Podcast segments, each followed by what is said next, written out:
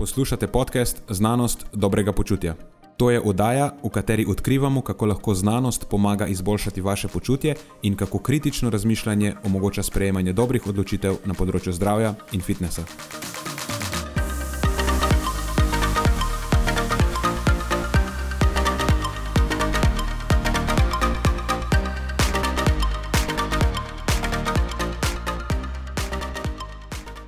Pozdravljeni, z vami smo Nenad in moj sovoditelj Matjaš. Glavni temi tokratne epizode sta najprej vloga sladkorja pri razvoju in napredovanju diabetesa tipa 2, potem pa z vadbo povzročena euforija in kaj jo povzroča. Preden začnemo, pa se moram zahvaliti še našim sponzorjem. Zaenkrat to še vedno ni velika korporacija, temveč zvesti poslušalci, ki nam izkazujete zaupanje in podporo s prijavo v našo člansko skupino Znanost dobrega počutja. Hvala vsem, ki s tem držite luči prižgane in omogočate podkastu, da raste in postaja še bolj kakovosten. Hvala tudi vsem, ki nas podpirate s pozitivnimi komentarji in visokimi ocenami, ter s tem, da priporočate podcast svojim znancem in prijateljem. Zdaj pa je končno čas za začetek epizode. Uživajte ob poslušanju.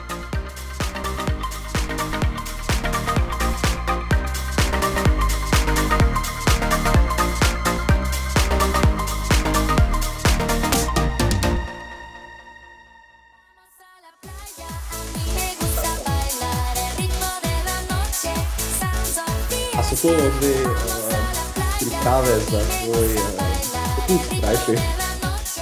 Tako je, Matjaš. Povsem pravilno. Vsem pravilno. Okay.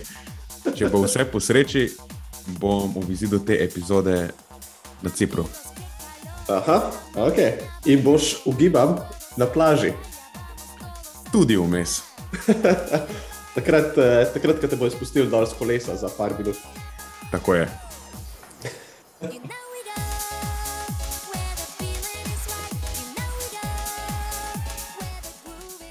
Torej, danes spet ena klasika. Tako je, še ena klasična epizoda. Uh, zdaj smo jih malo na kupu posneli, a ne? da imamo Ja. ja. malce lufta. Evo, še enkrat slišimo refren.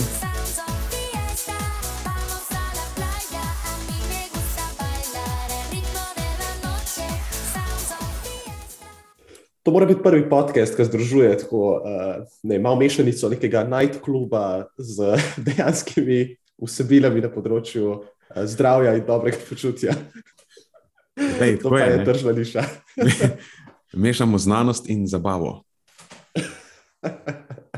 Le, jaz eh, resno se potegujem za naslednje leto, računam za tistega Prometeja, to je nagrada za komunikatorje znanosti v Sloveniji. Veš, moraš biti zabaven. ne? Mislim, raz, razmišljam, da glede na to, kako huda konkurenca je, sicer z neko edinstveno stvarjo moramo priti v tekmo. Razumeš? Ne, ne, nek, nek inovativen način. To je res. Uh, jaz te vidim, kaj eno tako slovensko verzijo, unga, uh, Bill Nye, the Science Guy. Oh, A veš, on tudi on mi, je všeč. Tako full boring. kaj ima del, da greš Tyson. Mm, ja, on je že bliže. Ja. A že bliže? Okay. Ja. Pa Ja, pa bliže. mogoče. Oh, nice, okay, cool. to, to, si, to si pa že lahko štejem kot kompliment. kaj imaš, uh, imaš kaj uh, pripravljenega za uvodni segment novosti? Pa ja, veš, da imam. Ta teden je bil zelo zanimiv na športnem področju, tako da danes imam jaz športne update. Mhm, super. Prva stvar, itak moramo omeniti Mateja Mohoriča, ki se je bilo pač čisto noro. Ne? Bilo noro, ja. Zdaj je bil pa, pač samo model, se je tako pač bolanje. No? Spustil se je, koliko je, v par kilometrov, uh, na, on spust na dirki Milano San Remo. Mhm. Eh, Na koncu je še sam rekel, da tega več ne bo nikoli počel. Da to je kao za, to je kao za anale, zgodovina, knjigo zapremo in nikoli več tega ne ponavljamo. Tako, mes, mislim, ki ga gledaš, jaz res predlagam ljudem, da to pogledajo. Vmes je snemalni motor, je težko dohajal njegov tempo. Vmes se mi je zdelo, da se bo zaletel v motor. Plus to, da je ene dvakrat, dva, vsaj dvakrat, skoraj zaključil jarko, a pa v zidu, no, kot si pač hočeš to. Jaz si mislim, da če hočeš speljati to, tako kot je on speljal, pol pač mora biti tako na robu. Tako da, da, se samo, dva- da se samo dvakrat to zgodi, potem mislim, da si zelo dobro to uspešno speljal. Ja, tako da res, no, vsa čast za, mislim, že za, sam za pogum. No. kaj, kaj šele za sam performance. Res je. Res je. Uh, res je, da zadnji čas so obarvali kar nekaj zanimivih športni, športnih dogodkov. Uh, še potekalo je prav tako uh, svetovno dvoransko prvenstvo v atletiki uh, v, v Beogradu. Tam smo imeli tudi enega našega, uh, Filgudovca, ki je naredil svoj, uh, kako se mu reče, prvenec na svetovnem prvenstvu. To je bil Filip Demšar v teku čez 110 metrov vire, uh, pardon, 60 metrov vire, to je ta krajša disciplina. Uh, šlo mu je sicer mislim, nisem sicer uspel vrstiti zelo, zelo daleč, ampak že prijeti na tako prvenstvo je, je fenomenalno. Čestitke. Čestitke, ja, čestitke. Nice. Drugač pa glavna športna novica. Začela se je Formula 1 in zdaj to je, po mojem, eden izmed najbolj zanimivih športov, like ever. Okay? To je pa tako popolna mešanica peak human performance na vseh ravneh in peak, kako bi temu rekli, technology performance. Imáš enega elitnega atleta, ki ga posadiš v, v raketo, skoraj to besedno v raketo, in potem zahtevaš od njega, da na izjemno zahtevni in nevarni progi tekmuje z ostalimi elitnimi atleti, ki so isto v, v raketah. In ponovadi so to dosti mladi, pa taki, um, kako bi temu rekel, k tveganju nagnjeni posamezniki. Vse skupaj je samo noro. Okay? Sem tako, da te stvari postavim, postavim v kontekst. A veš, povprečen po človek popizdi, ko mu nekdo, veš, kaj ti nekdo malo zmede na črte, tam, ko se furaš po Dunajski. A pa če se kolona premika prepočasi, a, a pa če nekdo ne spelje na zeleno luč na semaforju. Zdaj, predstavljaj si, kakšno količino frustracije, s kakšno količino frustracije mora tisti model shajati, veš, kako miren mora ostati, pa zbran, medtem ko mu stvari ne grejo po načrtih tako prikrepko, čez 200 na uro, ali pa neredko celo bliže 300 na uro. Uh mhm. -huh. Pa kakšen reakcijski čas mora imeti, kako hitro mora sprejemati dobre odločitve, in potem pač itak ne na zadnje, kako dobro mora biti telesno pripravljen. Ker jaz ne vem, če si ljudje sploh predstavljajo, kakšnim telesnim naporom. Je nekdo izpostavljen, ko se 200 na uro, recimo, pa slabih 200 na uro, ko se pri slabih 200 na uro odbija čez uvinke, najprej skozi enega, pol čez drugega. No? Vem, po moje, povprečen človek bi si zlomil urad, tako v dveh uvinkih. Ja, mislim, pa, pa tako, kot si rekel, ne, ne 200 ur, tako po ravnini, ne, ni, ni to avtocesta. Veš, ja. to, to, to je polno nekih uh, ovojev, uh, obrata. Uh, ogromno ljudi je na cesti, to je nevrjetno. Ja. In zdaj v sodobnem času je ta stvar še bolj zanimiva, ker si tako gledalec je opremljen z vsemi statistikami. Ja, veš, ti vidiš, kako hitro ti modeli pospešijo. To je tako nenormalno. Ko pride čez ovinek, malo čez 100, pa je pa že na 300 skoraj. Vse sem jaz vedel, zakaj ta je ta šport tako blizu. Ne, ni samo ta, uh, ta občutek, ta peak performance na obeh koncih, ampak statistika. Ne. Statistika, če pride zraven te številke, pospeški, uh, timelapi in tako naprej. To je tisto, kar tebe najbolj privlači. Mislim, to je nekaj, kar da. Drugač pa. Uh, Mislim, da tudi ta tehnološka komponenta, kjer imaš tehnološko tekmo med ekipami, to je nekaj, kar, je, kar mi je doskrat, mislim, ni direktno, zelo zanimivo, ker pač na tekmi, ok, se je isto tekmo med ekipami, v smislu, kako, kako hitro upravijo pit stop, um, ne, kako vzdržljivi so njihovi dirkalniki in tako naprej. Ampak to je samo neka generalna nasplošna, ta tekma, pa rivalstvo med ekipami, pa kako, kako po tehnologiji tekmujejo, pa sploh zdaj imajo ekipe zelo različne dirkalnike. Ker tudi v tej novi sezoni so pravila malo spremenili in tako zelo so premešali karte. Glede s tem namenom, da bi postala stvar še bolj da bi bile ekipe še bolj konkurenčne med sabo, pa da bi bila stvar še bolj zanimiva. In očitno jim je celo uspelo. Ker ta prva dirka je bila zdaj tako, pač do konca nisi vedel, kaj se bo zgodilo, in dobesedno tri kroge pred koncem so se karte čist premešale in se je končalo tako, da nobeden, nobeden tega ne bi mogel predvideti predtem. Da boš pustil v. Uh, ne boš povedal rezultatov. Ja, tako pač, ok, se lahko povem. Zmagala sta oba dva Ferrarija kar je bilo, mislim, itak po testiranjih je to bilo pričakovano, ker smo vedeli že, da je njihov dirkalnik zelo dober. Ampak v preteklih sezonah Ferrari ni bil tako top ekipa. Okay? Uh, tako da zdaj sta oba Ferrarija zmagala. Posmaš pa še Red Bull, ki je bil isto tako en tak tihi favorit, ni dobil nobene točke. tako, njihova dirkalnika sta par krogov pred koncem dobesedno razpadla. In pol Mercedes, ki je bil sicer, mislim, da 8 let, pa redemo je še konstruktorski prvak, ampak letos jim ne kaže, nimajo zelo močnega dirkalnika. Ona dva sta bila pa pol tretji, pa četrti. Tako da, zanimivo. Pol imaš pa Haas, je ena ekipa, enega Gina Haas je en bogataš, američan. So bili tako najbolj za noč ekipa, like ever, okay? do, do, do, do te sezone. Zdaj pa tako prva ekipa od unih srednjih ekip, skoraj praktično. Prodirajo, ne? Ne, da prodirajo, ampak so vse ostale zdaj prehiteli, skoraj, veš, to, mislim, se najbrž ne, ampak zdaj jim je pošlo pa res ful dobro. Tako da okay. se že veselim naslednje. Sej, ko bo ta epizoda izšla, bo že tudi naslednja mimo, ker jih predhodno snimava. Ampak. Ok, ne boš poročal o, o, o napredku tekmovanj naslednjič. Ja, lej, čist možno. Drugač pa Netflix je Uh -huh. uh, zdaj bi bila že četrta sezona, uh, drugače, full huda serija. Sicer malo, tako, če smo čisti iskreni, ne? malo stvari prilagodijo, pa jih podramatizirajo dodatno. Ja, malo ampak, po, po američanje, no? mislim, da bi se tako lahko. Ja, ampak izrazil. mislim, da je kar dost točna reprezentacija. No? Uh, Sploh, če spremljaš pred tem celo sezono, si, si veš, kaj se je zgodilo.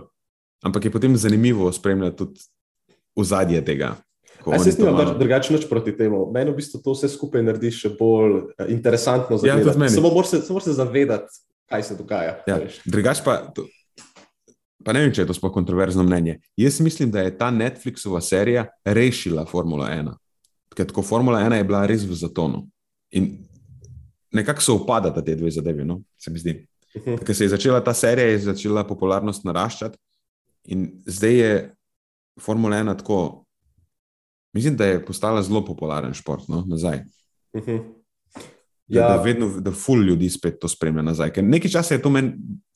Jaz sem, ko sem spomnil, ker sem bil majhen, smo to skozi gledali, mhm. eh, da vedno mi je bilo zanimivo. Pa, pa na neki točki je postalo dolgočasno. Spomnim se tudi, da sem enkrat vmes uporabljal eh, dirke Formule 1 v nedeljo, da so me uspavali za popoldanski spanec. Brnenje motorjev in itek se neč ne zgodi celo dirko. Ampak to je zdaj noč, noč pa dan, ni niti približno ista stvar. Ja, moram reči, da jaz tudi, eh, če, če si iskren, jaz nisem nič spremljal tega športa, dokler ta serija ni prišla ven. Potem sem začel pa malo uh, eh, yeah. Ja. kukati tu pa tam. Da, Mi je pa zanimiv uh, odklonilen odnos nekaterih dirkačev do te serije. Tako, ja, res, kao, vi, mi smo tukaj, da bomo dirkali, nismo tukaj za dramo, pa politiko, pa itd. Ah, kam angem je breg. Mislim, ti si tukaj za, zdaj tako srečen, pa v takem stanju sem zato, ker te ljudje gledajo, pa veš, ker je toliko denarja v tem športu. Ker če tega noben ne bi gledal, pa bi ti še zmeraj gokar to dirko. Ja, žal, pač drama in take stvari potem pač pri, pri, privlačijo. privlačijo. Ja. Se zato se tudi pri drugih športih pogosto trudijo, da bi probali nek tak element dati notri v igro. Uh, jaz se spomnim, da drugače, mislim, da je bilo to tam okrog, tam to je bilo v 90-ih. So pa probali bodybuilding, narediti bolj v stilu uh, tega WWE-ja. Okay. Uh, nekdo je bil bad guy, nekdo je bil good guy, in tako naprej. Ne? Nek šov so dal gor. In tisto leto so dejansko imeli bistveno več ogledov, ampak se ni obdržala stvar. Ker, ja. Kako za vraga bi se pač obdržala ta stvar? Sam viš še to. Ja, imaš prav. Mogoče je tudi zato tako zanimiva mi ta zadeva. Ker zdaj, trenutno, v formi imaš tudi pik dramo. Fulejnih rivalstev je noter, pa fulejne politike se je dogajalo. Je, je še ta neka intrig, uh mhm. -huh. scena. Ja, ja se je. Pa se tudi, kaj pa vem, se tudi, ko spremljaš nogomet, so neki ti elementi, recimo, noter. Pa je kakšen prestop, kakšnega igralca, ali pa je ne vem, nekdo na klopi, ki tebi ni tako pri srcu, ali pa bil kjer. Ampak veš, je neka rahla drama tudi v zadnjem. Ni ja, samo igra. Absolutno. Drama, drama je pomembna, sej, mislim, mislim skozi dramo. sem skozi za dramo. Drama je najpomembnejša začimba življenja. Speaking of drama, če so zaključila z aktualnostmi, jaz sem za danes pripravil eno uh, kontroverzno temo, namreč sladkor in sladkorno bolezen. Uh mhm. -huh. To pa je. Ja. Ne, nadaljuješ v dramatičnem stilu, všeč mi je. Ja, tako je. V bistvu glavna tema bo vloga sladkorja pri debelosti in diabetesu tipa 2. Okay? Govorili bomo o diabetesu tipa 2, torej o pridobljenem diabetesu, ne tistem prirojenem tipa 1. In črpal bom iz enega preglednega članka, ok, še eno presenečenje. Ker pač preglednih člankov ne maram, ampak tale me je pa kupil, razumeš? Vse je bilo prav. Tako, ne vem, kdaj sem na zadnje bral. Eh, Talk down to earth, pregleden članek. To je skoraj, pač ne vem, sem perfekten povzetek literature. Uh -huh. uh, in to so bili moji avtorji, seveda moramo omeniti avtorje. Ne? Veld, Van Asten, Oli in Prince, vse smo mogli omeniti, noben ne sme ostati neizpostavljen, ker je odlično delo. Objavljen je bil pa v European Journal of Clinical Nutrition, tako da v bistvu še ena zelo ugledna revija na področju prehrane, naslov je pa The Role of Dietary Sugars, Overweight and Obesity in Type 2 Diabetes Mellitus, a narrative review. Tako da, a ker skočim noter. Skoči noter. Ok, super. No, zdaj, tako kot vedno, ne, se tudi ta članek pač začne z obveznimi, bolj pa manj neuporabnimi statistikami. Okay? Ampak se to je obvezno. Mm. In pravijo, da, ampak se zanimivo, no, se tudi na podlagi tega lahko uh, stvari sklepamo. Da, no, pravijo, da v zadnjih nekaj desetletjih se je razširjenost debelosti močno povečala, mislim, na vši črlak. In da v več kot 70 državah se je od leta 1980 več kot podvojila. In potem nadaljujejo, da enako velja za nenalezljive bolezni. To so tiste kronične, pa degenerativne, uh, vključno z diabetesom tipa 2, ki je osrednji primer te trenutnega segmenta. In ko navajajo številke, da globalno se je razširjenost diabetesa med odraslimi povečala iz 4,3 odstotka na 9 odstotkov pri moških in iz 5 odstotkov na 7,9 odstotka pri ženskah. Pri moških se je povečala bolj kot pri ženskah. In eh, se ta podatek sicer vključuje oba tipa, diabetes tipa 1 in tipa 2, ampak predvidevajo, da 85 do 95 odstotkov tega povečanja je na račun diabetesa tipa 2. Tako da povečanje je na račun pridobljenega diabetesa. No, in zdaj, če se malo na tej točki ustavimo, že sam na podlagi teh dejstev, da debelost in diabetes tipa 2 sledita istemu trendu, lahko človek malo zasluti, da zadevi najbrž nista neodvisni. In ponavadi, ko imaš v zgodbo vključeno debelost, je dlakocepljenje s sladkorjem tako postranskega pomena. Ampak, ok, ne bomo preskakovali, gremo lepo po vrsti. Um, tako, ne vem, čeprav je znano, da je diabetes tipa 2 multifaktorna bolezen, oziroma bolezen, eh, ki ima več dejavnikov, ki vplivajo na njen razvoj in napredovanje. Ne, med drugim so to recimo stopnja telesne dejavnosti, življenjski slog, kajenje, splošna kakovost prehrane. uh, no, v vsem tem še vedno, še vedno veliko pozornosti namenjamo sladkorju. Še posebej saharozi, recimo, ali pa fruktoza se pojavlja tudi. Ne? Saharoza to je namizni sladkor.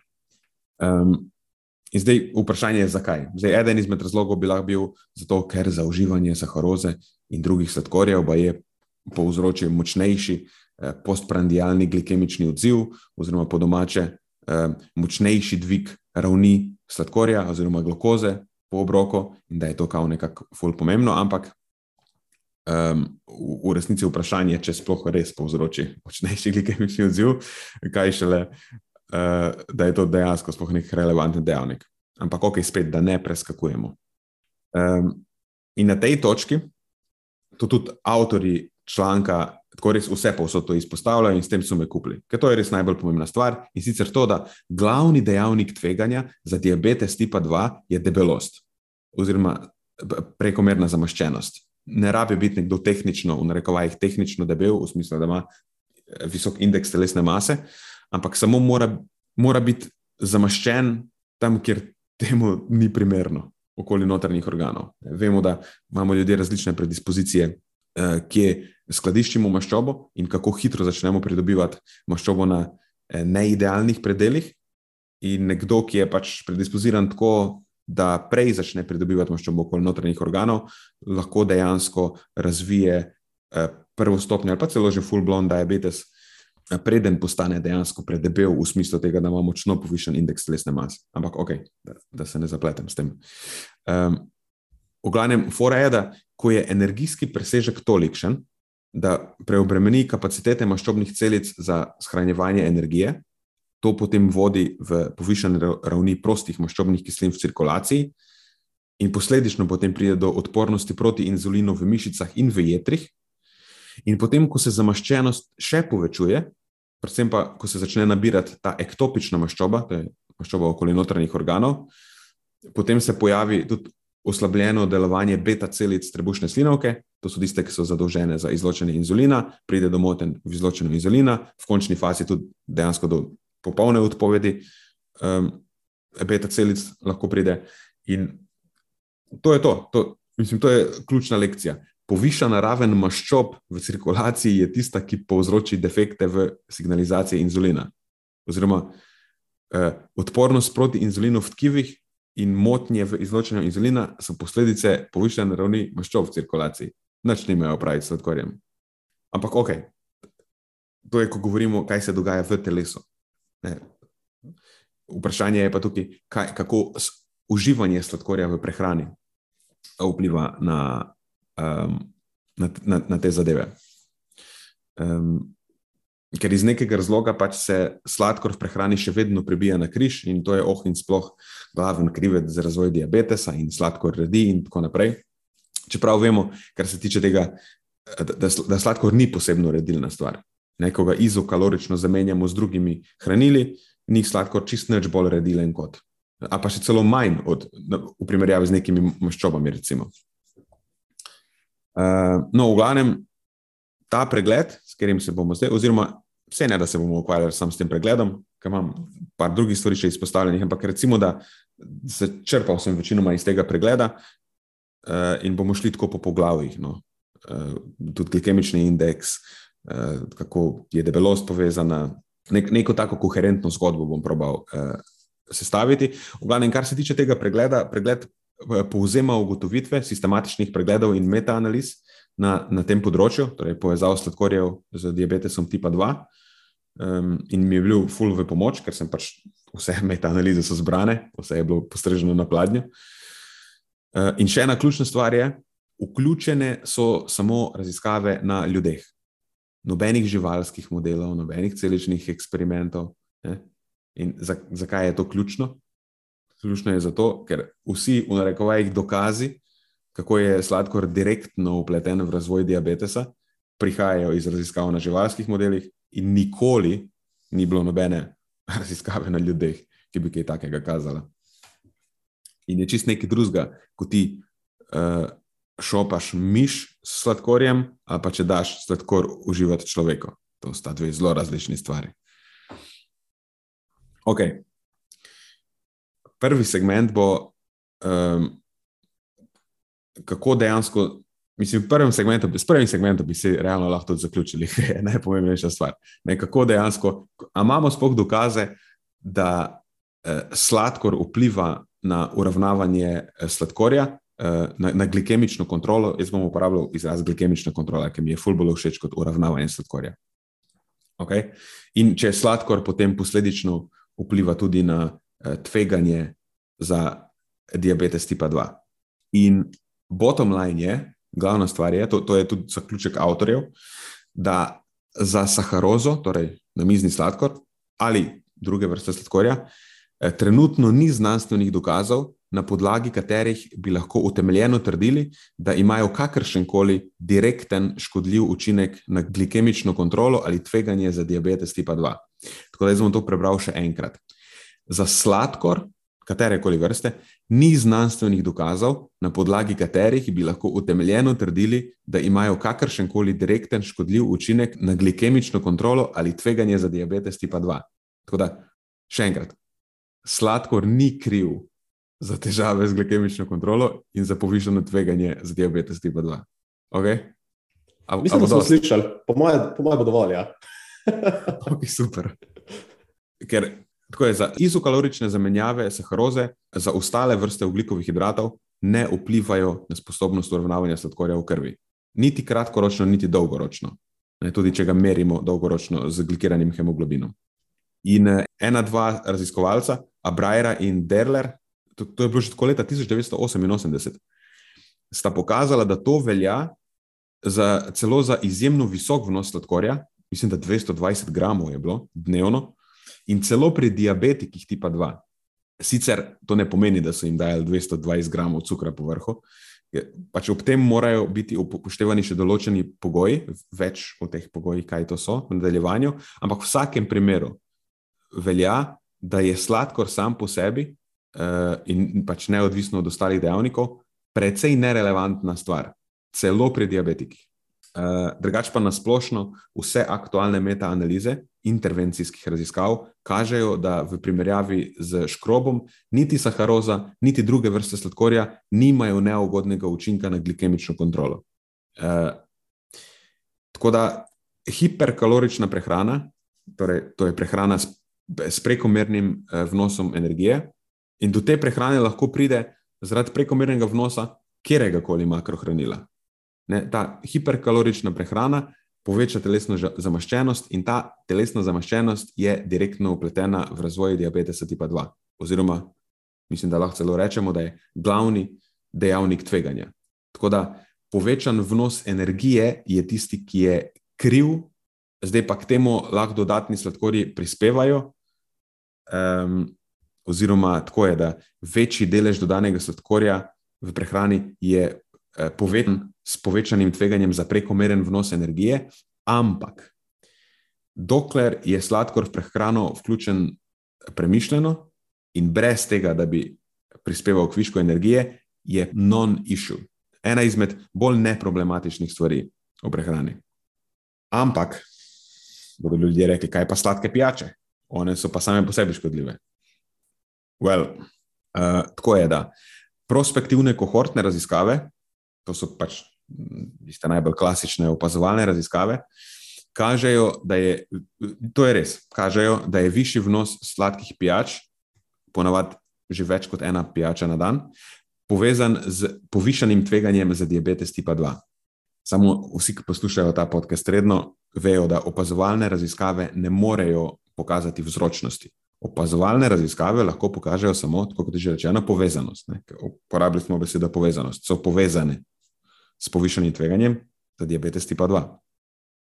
E, in sladke pijače so skoraj sigurno povezane s tveganjem za diabetes tipa 2, zato ker je uživanje sladkih pijač povezano tudi s prekomernim vnosom energije.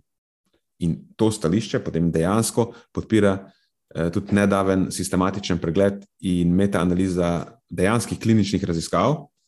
Ne, to so pa stvari, ki lahko pokažejo vzročnost. In to so bili Ču in sodelavci, ki so pokazali, da sladke pijače nimajo neugodnega vpliva na glikemično kontrolo, če z njimi izokalorično, torej za enako količino kalorij, nadomestimo druge vire energije. In to velja tako za glukozo na tešče in inzulin na tešče, kot tudi za glikiran hemoglobin tako da za vse relevantne parametre. In uh, tudi tukaj je tako, isto je. Sladke pijače imajo neugoden učinek na glikemično kontrolo, samo če prispevajo odvečno energijo v prehrano. Ampak da bo čist. Uh,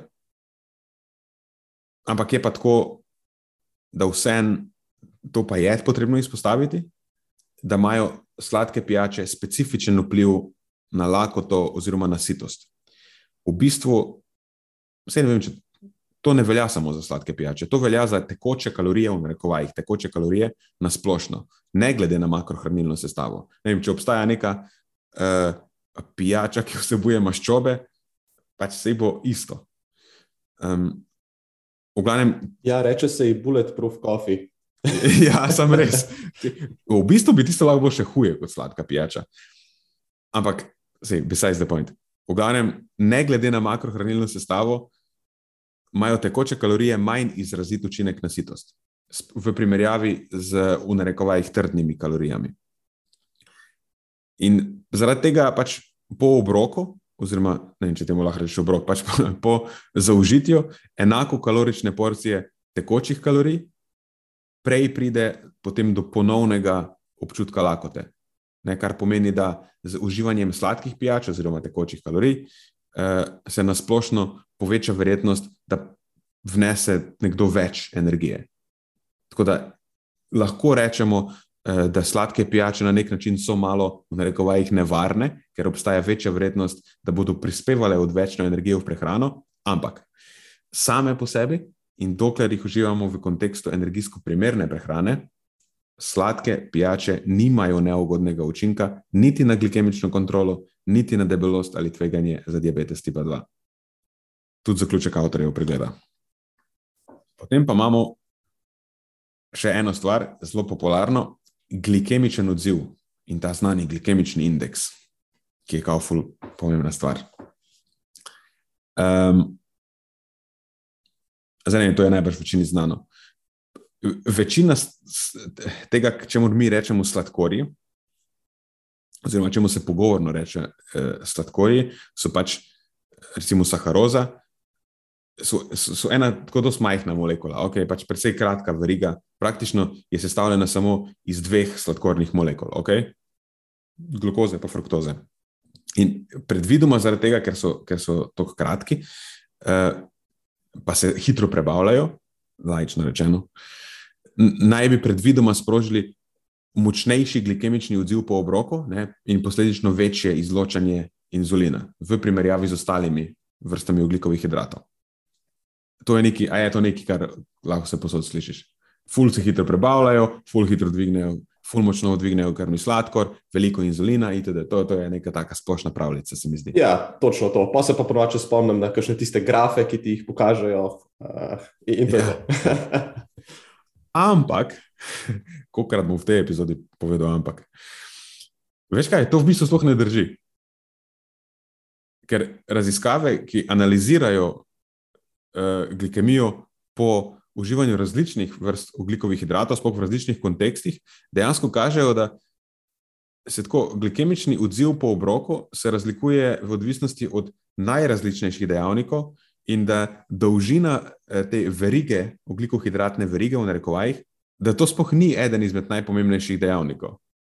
Predvsej bolj na ta dvig sladkorja v krvi po obroku vpliva sestava obroka, vrsta živil, stopnja predelanosti živil, ne vem, če se tako reče, predelanosti živil, um, procesiranja, v bistvu stopnja procesiranja, eh, potem prisotnost beljakovin, maščob, vlaknin. Uh, še ena stvar, ki je očitno zelo pomembna, je tudi eh, posameznikova, neke posameznikove predispozicije. Različni ljudje imajo na ista živila različen odziv. Tako da vse to je bolj pomembno kot sladkor sam po sebi. In dejansko se doskrat v teh raziskavah zelo pokaže, da ima več vrst ugljikovih hidratov ali pa um, uživanje različnih eh, živil, ki so pretežno ugljikohidratna, povzroči večkrat močnejši glikemični odziv po obroku kot sama saharoza. Uživanje nekega piškota, recimo, ki se sploh ne bi mislil, ki je tako nek kombiniran obrok, ima lahko pri določenih posameznikih višji uh, glikemični odziv, kot recimo uživanje tako sladkorja na žlico ali pa nekega živila, kot je recimo banana, uh, ki je pretežno v bistvu sladkor. Uh, Sam hočem reči, da tukaj je kup ene kompleksnosti noter. Ni v bistvu, tudi ko govorimo o glikemičnem odzivu, ni sladkor tisti, ki je najbolj relevanten dejavnik.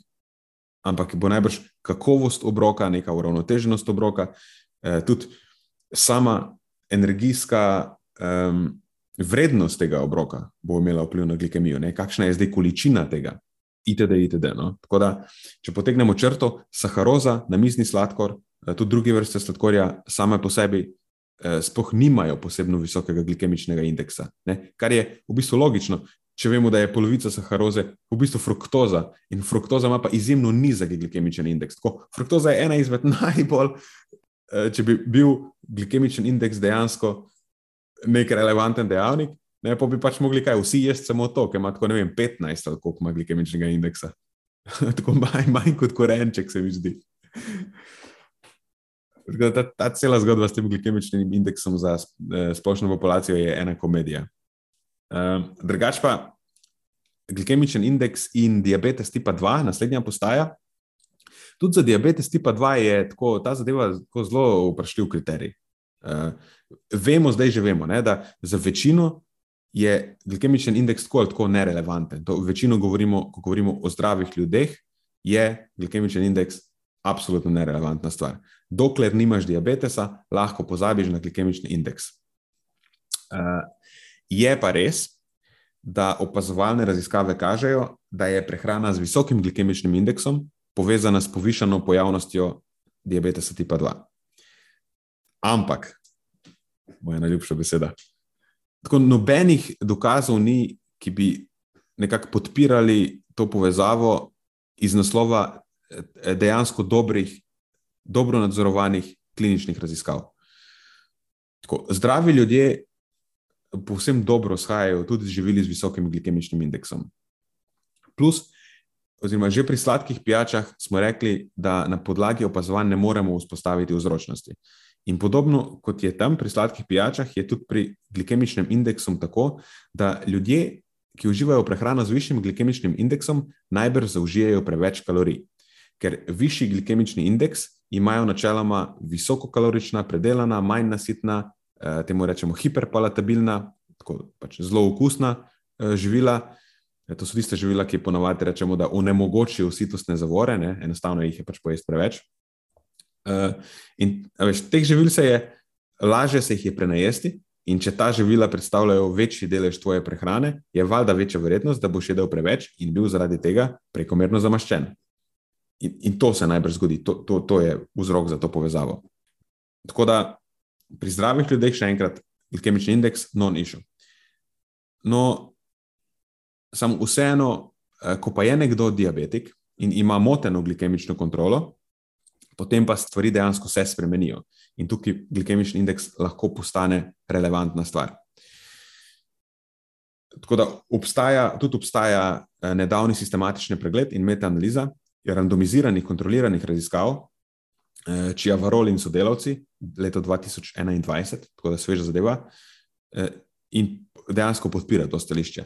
Eh, kaže se, da prehrana z nižjim glikemičnim indeksom v primerjavi s prehrano z višjim glikemičnim indeksom pri predebelih posameznikih z diabetesom tipa 2 res zniža eh, tako ravni glikiranega hemoglobina kot glukoze na tešče. Eh, ni pa prišlo do razlik pri inzulinu na tešče. Eh, no, ampak v vsakem primeru zadeve kažejo na to, da pri predebelih diabetikih prehrana z nižjim glikemičnim indeksom bi lahko najbrž bila res uh, boljša opcija in bi jim lahko pomagala urediti ravni glukoze v krvi. Da, pri diabetikih pa je vsem zelo smiselno popaziti na to, da se ne uživa veliko živil, ki, rečemo temu, v narekovajih, nervirajo njihovo glukozo v krvi. Um, ampak tudi ko pride do menedžiranja diabetesa, morata biti usrednja dejavnika splošna prehrana in življenjski slog, še posebno energijski vnos, pa stopnja telesne dejavnosti. In to potrjujejo tudi enako sveži eh, združeni pregledi večjih metaanaliz, randomiziranih, kontroliranih raziskav, to so Čurang Suka in sodelavci 2021. Eh, ki so pokazali, da je hipokalorična prehrana, to je tista prehrana, ki vsebuje manj energije, kot jo porabimo, eh, da, da vodi pač logično v znižanje telesne mase pri ljudeh z diabetesom tipa 2, in da je to superiornejšo kateri koli drugi dieti, torej da je izguba telesne mase preko prehrane superiornejše kateri koli drugi dieti, ki se osredotoča na makrohranila ali pa razmerje na makrohranili in to vključno z dietami z znižano vsebnostjo sladkorja ali dietami z nižjim glikemičnim indeksom. Kot že rečeno, glavni dejavnik tveganja za razvoj in napredovanje diabetesa tipa 2 je zamaščenost. Tako da cilj mora biti, eh, če to pravimo, ne vem, če se lahko reče zdravljenje, ampak pač, če hočemo urediti diabetes tipa 2, je znižanje energijskega vnosa in izguba maščobe, to sta dve najbolj, najbolj pomembni stvari.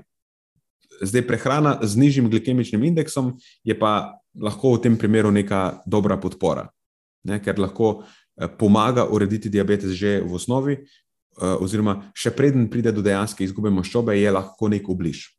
Tako, ampak, ampak svet, če hoče nekdo resno izboljšati svoje diabetično stanje, potem se mora ukvarjati s tem, kako bo izgubil maščobo, predvsem mora gledati, kako bo iz, zmanjšal količino energije v prehrani, pa kako bo povečal telesno dejavnost. Še, tukaj, ne, sicer govorimo o prehrani, ampak telesna dejavnost je tako super pomembna. Eh, če hočeš izboljšati, oziroma urediti svoj diabetes, in tako nisi aktiven, pa kaj sploh delaš? Mislim, postane telesno dejaven. Drugač, kar se tiče pa sladkorja in glikemičnega indeksa, pa je to je nekaj, kar tudi tukaj pride v drugi vrsti. In zdaj smo pri izgubi telesne mase, ne? zdaj bi s tem bi rad zaključil, zato ker očitno je to najpomembnejša stvar. In kako zelo pomembna stvar je to, pokaže ena raziskava z kratico Direct, eh, to je kratica za Diabetes Remission Clinical Trial, kjer pa so dejansko pokazali, da izguba telesne mase, signifikantna izguba telesne mase, oziroma eh, klinično relevantna izguba telesne mase, lahko vodi v remisijo diabetesa tipa 2. In to remisijo potem definirajo z ravnmi glikiranega hemoglobina, eh, manj kot 6,5 odstotka. Eh, ob odsotnosti farmacevtske intervencije. To pomeni, da imajo ti ljudje potem dejansko dobro urejene ravni glukoze v krvi, brez tega, da jemljajo kakršna koli zdravila.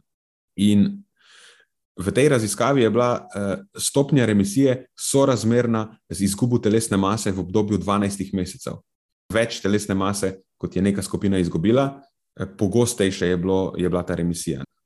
Eh, Naprimer, v skupini tistih, ki so izgubili 15 kg ali več, je prišlo do remisije pri 86 odstotkov pacijentih. Predstavljaš to, tako vsi skoraj so bili v remisiji.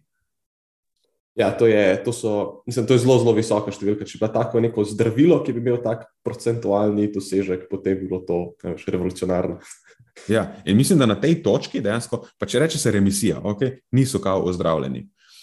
Um, ampak tako je, da če ima nekdo že zelo dolgo uh, sladkorno bolezen, okay, potem vprašanje, če lahko pride do remisije. Ker enkrat, če, če ti beta celice tako odpovejo, tako, da ti absolutno odpovejo, da, odvisen, da je tvoja skorna odvisna od inzulina, da ga moraš dodajati. Pol ne vem, če lahko dejansko pride do remisije. Ok, nisem zdaj jaz nek diabetolog, ampak nekako, ker poznam literaturo, uh, mislim, da vse kaže v tej smeri, da, da če si tako že zelo v narekovajih star diabetik, je manjša verjetnost, da, da lahko pride do remisije. Ampak to, če si čist svež, pa se zna zgoditi, spet nisem zdravnik, pete se pozanimati zdravnikov o tem, predem karkoli spremenjate v prehrani. In tako ali tako bi mogel ta disclaimer dati že na začetku. Ampak ja, če si, če si svež, mislim, da imaš zelo dobre šanse, da tako odpraviš zadevo. Ali pa vsaj, da jo daš remisijo, okay? kakorkoli. E, v glavnem, kje sem ostal. Ja, okay. tako, najbolj učinkovita metoda nadzorovanja diabetesa tipa 2, mogoče celo, kot že rečeno, lahko na tej točki rečemo zdravljenja, ne vem, eh, kakorkoli, pač najbolj učinkovita metoda je izguba odvečne maščobe s pomočjo znižanja energijskega vnosa in povišanja stopnje telesne dejavnosti. To smo zdaj že nekaj, kolikrat sem, 20krat sem po moje povedal, ampak to je temelj. To podpira tako kupica dokazov. Máš metaanalizo Franca in sodelavcev iz 2015, pa Čena in sodelavcev isto iz 2015, obe jasno kažeta, da, da izguba telesne mase zaradi znižanega vnosa energije in povišene stopnje telesne dejavnosti izboljša glikemično kontrolo pri pacijentih z diabetesom tipa 2. Pač ne more, da se to ne bi zgodilo. Tako izjemno dosledno je. In potem imaš eh, še dve raziskavi, ki so se mi zdeli zanimivi, so Lim in sodelavci iz 2011 in eh, Petersen in sodelavci iz 2005. Eh, so isto pokazali, da hipokalorična dieta pri predebelih in pri pacijentih z diabetesom tipa 2 normalizira ravni krvnega sladkorja preko obeh najpomembnejših mehanizmov imaš tako izboljšanje funkcije beta celic trebušne slinovke, kot tudi izboljšanje občutljivosti na inzulin v jedrih, samo preko znižanja energijskega vnosa. In potem še kasneje so ista skupina, Petersen in sodelavci, leta 2012 pokazali tudi, da eh, hipokalorična dieta izboljša občutljivost na inzulin tudi v skeletnih mišicah in tudi pri normalno težkih ljudeh, ki so proti inzulinu odporni. Ne? To so pa recimo lahko tisti, ki smo rekli, da prej začnejo kopičiti maščobo okoli notrnih organov, eh, predtem dejansko postanejo predebeli. Ampak, no, da se vrnem nazaj na, na to zgodbo, pač eh, tam avtori, ne Petersen in sodelavci, nekako predvidevajo, da se najbolj izboljša od inzulina odvisen prevzem glukoze v mišice pri teh posameznikih. Tako da pač generalno vse posod. Stvar pomaga. Kakorkoli misliš, da se premikaš v smeri prediabetesa ali pa diabetesa, je najboljše, kar lahko narediš, da pač znižaš energijski vnos, pa da povečaš stopnjo telesne dejavnosti. Zdaj, tukaj dopuščam možnost, dopuščam možnost, da obstajajo neki čudni outlieri, ki tako res niso. Ne vem, zakaj bi do tega prišlo, ampak sam dopuščam možnost, ker moraš opozoriti, ne vedno, ko svetuješ nekomu naj zniža vnos energije. Tako, če si reš, imaš feeling, da si podhranjen. Okay? Tako, če imaš res nizek odstotek telesne maščobe, potem zna biti, da še, še nižji vnos energije mogoče za te res ne bo koristen. Lahko da je nekaj drugega narobe, jaz ne vem. Ampak sladkor najbrž ne bo problem. E, potem res moraš iti k zdravniku, pa moraš ugotoviti, v, v čem je narobe. Ampak večina ljudi, ki razvija diabetes, do tega pride zaradi tega, ker je energijska bilanca neuravnotežena, ker uživa več energije, kot je porabi. Ampak ja, pač sigurno obstajajo kakšni outlieri, kjer to ni. Um, Ker to ni primer, tako da vedno po zdravi pameti. Uh, in s tem so na koncu. No. Zdaj sem še zaključek, imam vse skupaj, bi enkrat rače strnil, sem to, da, da se usede, ne, ker kakorkoli ponavljamo to, da sladkor ni kriv. Ne usede se, ne. imam feeling, da je še treba ponavljati. Um, je, pa še bo potrebno. Ja, v glavnem. Torej, čeprav diabetes tipa 2 je multifaktorna bolezen, okay, tudi genetika vpliva, druge komponente življenjskega sloga, stres, itd., kajenje, vse to prispeva nekaj. Ampak glavni krivec, v narekovajih krivec, pa rečemo, glavni dejavnik tveganja za razvoj in napredovanje diabetesa tipa 2 je pozitivna energijska bilanca. Po domače rečeno, prekomeren vnos energije in posledično pridobivanje odvečne maščobe, In v svetu, v katerem zdaj živimo, temu vzrokujeta predvsem nezadostna stopnja telesne dejavnosti, zna biti, da je celo, po, pa ni poglavitni, ampak pač zelo pomemben dejavnik. In pa, to je po mojem glavno, večji delež energijsko gostih živil v prehrani. In ta živila niso pretežno sladkorna živila, niti, ampak so pogosteje masna živila, a pa živila z visokim deležem maščob, ki včasih sladkorja sploh ne vsebujejo vsaj v neurelevantnih količinah. Kupenih, mislim, to je zdaj anekdota, ampak pa se vsi poznajo, kakega tajega. Pa mi smo že imeli kup ljudi v praksi takih, ki sploh sladkarin ne marajo, pa so tako bili res prekomerni, ki so prišli. Pač lej, paštete, salame, masni siri, čips, razni drugi prigrizki. Veš, to so vse zelo masna živila, tukaj ni nič sladkorja noter. pa so vse bili, vsi so bili že na meji diabetesa doskrat. Oziroma, bili so celo že diabetiki. Uh, tako da za diabetes tipa 2, niti slučajno v najbolj divjih sanjah ne moš ukriviti sladkorjev, niti saharoze, niti fruktoze. In če gledamo tako čist mehanistično, so krive v bistvu maščobe, ne? tako rečeno, oziroma povišene ravni prostih maščobnih kislin v cirkulaciji. In do tega pride zaradi, v narekovajih, polnih maščobnih zalog, ki so prezasičene zaradi kronično prekomernega vnosa energije oziroma kalorij. In potem zaradi tega pride do odpornosti proti inzulina v jetrih in v skletnih mišicah, in to je potem glavni razlog za povišene ravni glukoze, in to je prvi korak v razvoju diabetesa tipa 2. In čeprav neki podatki iz opazovalnih raziskav povezujejo diabetes tipa 2 z uživanjem sladkih pijač eh, in eh, vem, s prehrano z visokim glikemičnim indeksom, In valjda tukaj potem vsakič, ki je ena taka opazovalna raziskava izide, mediji to pograbijo in naredijo naslov: Sladke pijače povzročajo diabetes. Ne? Ampak zdaj vemo, da to so samo povezave in da mediji tako nimajo fucking pojma o tem. In do teh povezav pride samo zato, ker energijski vnos in dejavniki življenjskega sloga v teh raziskavah niso dobro nadzorovani. Ne mogoče jih je dobro nadzorovati. Ker potem, ko pa v nekih kontroliranih intervencijskih raziskavah, v izokaloričnih pogojih, ko so stvari dobro nadzorovane, potem pa se vedno izjemno dosledno, zelo jasno se kaže, da niti sladkane pijače, niti dobesedno skoraj sladkor na žlico, niti glikemični indeks pri zdravih posameznikih nimata neugodnega vpliva na glikemično kontrolo, niti kratkoročno, niti na dolgi rok. Tako da z velikimi črkami, zdaj lahko nekje napišemo, sladkor ne povzroča sladkorne bolezni. Sladkorno bolezen povzroča prekomerna zamaščenost, predvsem tam zamaščenost tam, kjer to ni primerno okoli notranjih organov, ta pač visceralna pa ektopična maščoba. In da bo jasno, tudi zamaščenosti ne povzroča sladkor. Sladkor ni redilen sam po sebi. Tako da, če že kaj, potem zamaščenost povzroča prehrana z visokim deležem maščob in eh, predelanih izdelkov, in pa nizka stopnja telesne dejavnosti. Tako da, sladkor, zdaj si oproščen in lahko greš domov. In nekdo bo mogel plačati reparacije temu bogemu sladkorju. Kako je zdaj že to? Desetletje, pa še več, ki se ga prebija na križ. Ja, vsaj. vsaj. Neko odškodnino. Ne, ne vem, če obstaja tako visoka odškodnina. Ej, uh, super povzetek. Ideja za pijansko igrico, za poslušalce, spite en šot vsakič, ne da reče, ampak. Uh, mogoče, če boste spili šot neke sladkane pijače, vas bo res vodilo v diabetes. diabetes. boste, ja, zdaj že koliko, zdaj imamo že 90 epizod, ne? to je zdaj že nevarno. to je zdaj že nevarno. Ker lahko postane več kronično povišan vnos energije. Točno to, točno to. Um, je zanimivo, da si ravno danes izpostavil to temo, ker ravno čez vikend sem se o tem pogovarjal s prijateljem, katerega babica je bila pred kratkim diagnosticirana z diabetesom tipa 2. In se veš, so imeli tisto mandatorno predavanje, ki pač pride skupaj s tem, in črtali so jih vsa sladkana živila iz menija.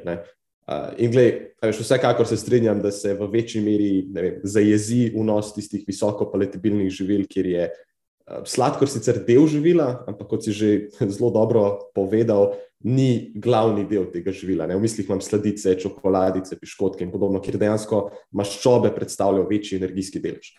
Ampak, evo, da še jaz pristavim svoj ampak, ne, ob tem so bila črtana tudi živila tipa sadje, pa kompot in podobno. Veš, eh, in kot sem jaz razumel, ni bilo absolutno nobenega govora v tistem predavanju, eh, ki ga prejme, kako pomemben del tukaj je pač uravnavanje telesne mase, izguba telesne maščobe, eh, povečana fizična aktivnost za menedžiranje tega stanja. Skratka, fokus je izključno na sladkorju, na nižanju glikemičnega indeksa in absolutno prenizek poudarek na reduciranju odvečne maščobe in povišani telesni dejavnosti. In, in meni se zdi to škoda, no? ker pač pušča toliko enih stvari na mizi, ustvarja nek strah pred določenimi živili, plus meni se sliši to kot super rešitev. Veš, po tem sistemu ne rabim popolnoma črtati teh svojih najljubših živil, samo omejiti jih je potrebno na bolj smiselno raven v kontekstu neke ne vem, energijsko in hranilno uravnotežene prehrane. In mislim, da bi ljudje, ki so na sveže diagnosticirani s takim stanjem, da bi lažje kupili pod narekovaj to rešitev, kot pa ja. Ja, veš, samo črtaj to, pa to, pa to. Ne. Ja, sej. mislim, absolutno še enkrat sem disclaimer, da bo jasno. Daj. To ni zdravniški na svet, pet se pozanima z zdravnikom. Ja, absolutno, absolutno. Ampak za diabetike, ja, absolutno je zelo relevantno, da tudi akutno pazijo na svoj uh, ravnik krvnega sladkorja. Glukoza mora biti dobro urejena. In za njih je dejansko pomembno, da, da zbirajo tudi obrok en po en, rečemo tako. Sam, tam je pomembnejša količina ugljikovih hidratov v obroku, niti ne toliko vrsta. In tudi, zdi se mi malo miopično tako, um, ukvarjati samo z ugljikovimi hidrati v obroku. Veš, treba je nasloviti tudi energijsko vrednost tega obroka. Ker če nek, veš, nekdo bo zmanjšal to glikemično obremenitev, pač količino ugljikovih hidratov v obroku, Še redko kdaj pa se potem reče, ok, s čim boš pa zdaj to nadomestil? Ker če kdo mhm. pol našopa maščobe zraven, pa je zdaj ta obrok bolj kaloričen, kot je bil prej, ko je vseboval malo več sladkorja, to ne bo koristno. To bo na dolgi rok slabše za, za tega pacijenta. Ja, točno to. Točno to. Škodem, to, to pač, ja, okay, Mislim, da so za to spovedala. Absolutno, absolutno. Okay, potem pa predlagam, da kar prešaltamo um, na, na naslednjo temo. Zdaj smo nekoliko manj dramatično temo. Uh, čeprav se vseeno ukvarja z enim zelo pogostim mitom ali pa vsaj pogostim prepričanjem, ampak na področju vadbe. Pa še ne nadirate tako vzdržljivostni džunki v tem zadnjem času, tako da le deloma je ta segment tudi zatenjen. Hvala lepa.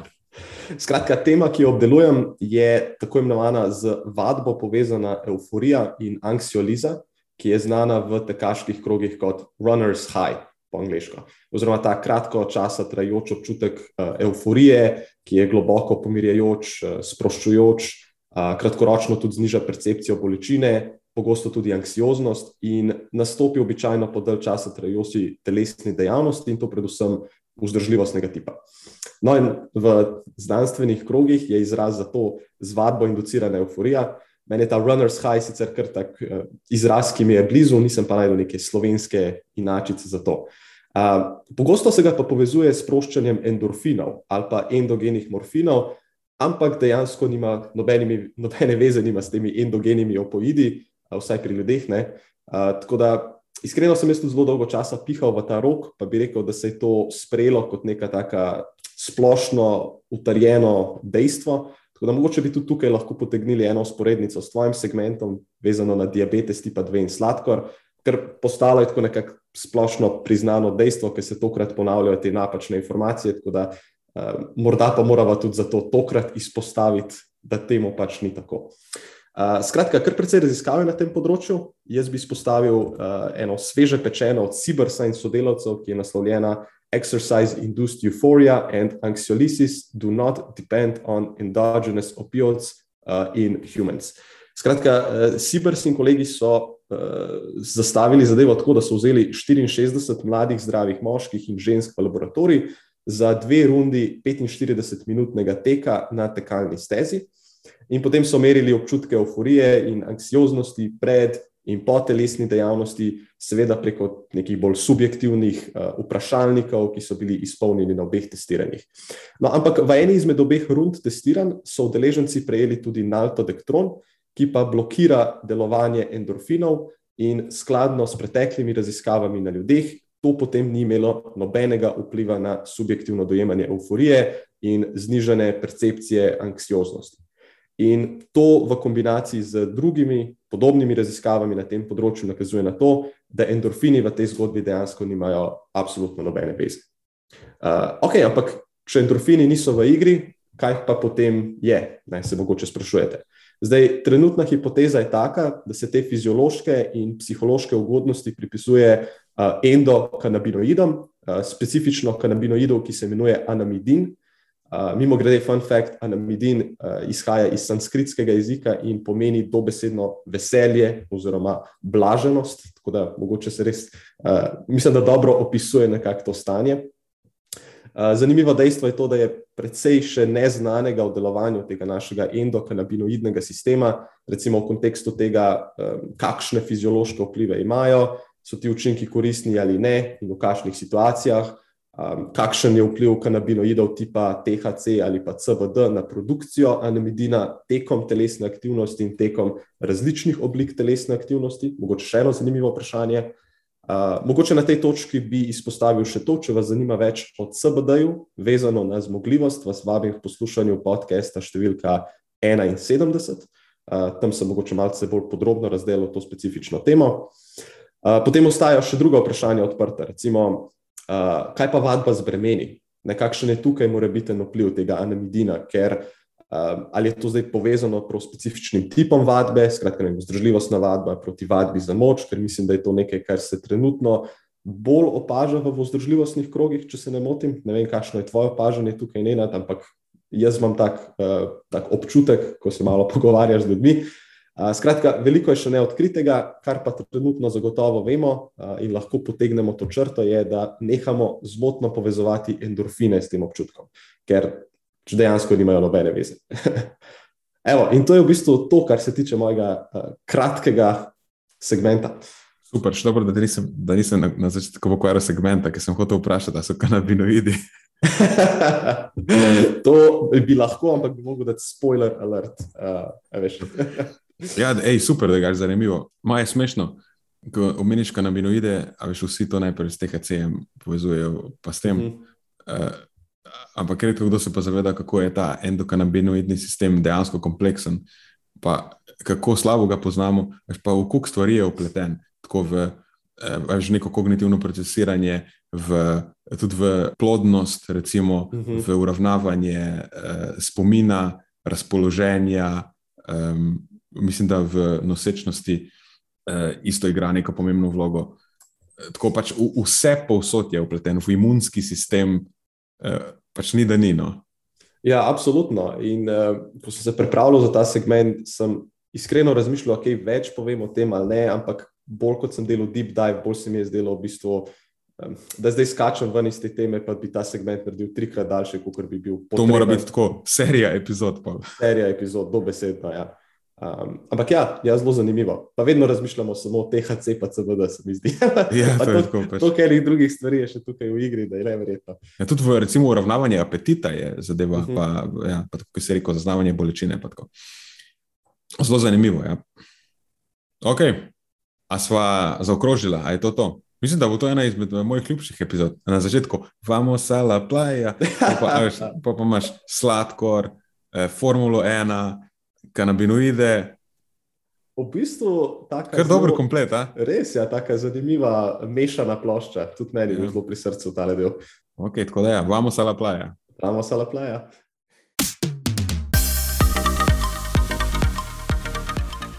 To je za tokrat vse iz naše strani. Hvala, ker ste poslušali do konca. Delite epizodo s svojimi znanci in prijatelji in jo priporočajte dalje, saj s tem omogočite, da sporočilo znanost dobrega počutja doseže čim večjo množico. Hvala vsem, ki nas podpirate s članarino in tudi vsem ostalim, ki delite podcast dalje in nam izkazujete naklonjenost z visokimi ocenami in pozitivnimi komentarji. Se slišimo prihodnjič, do takrat pa ostanite premišljeni.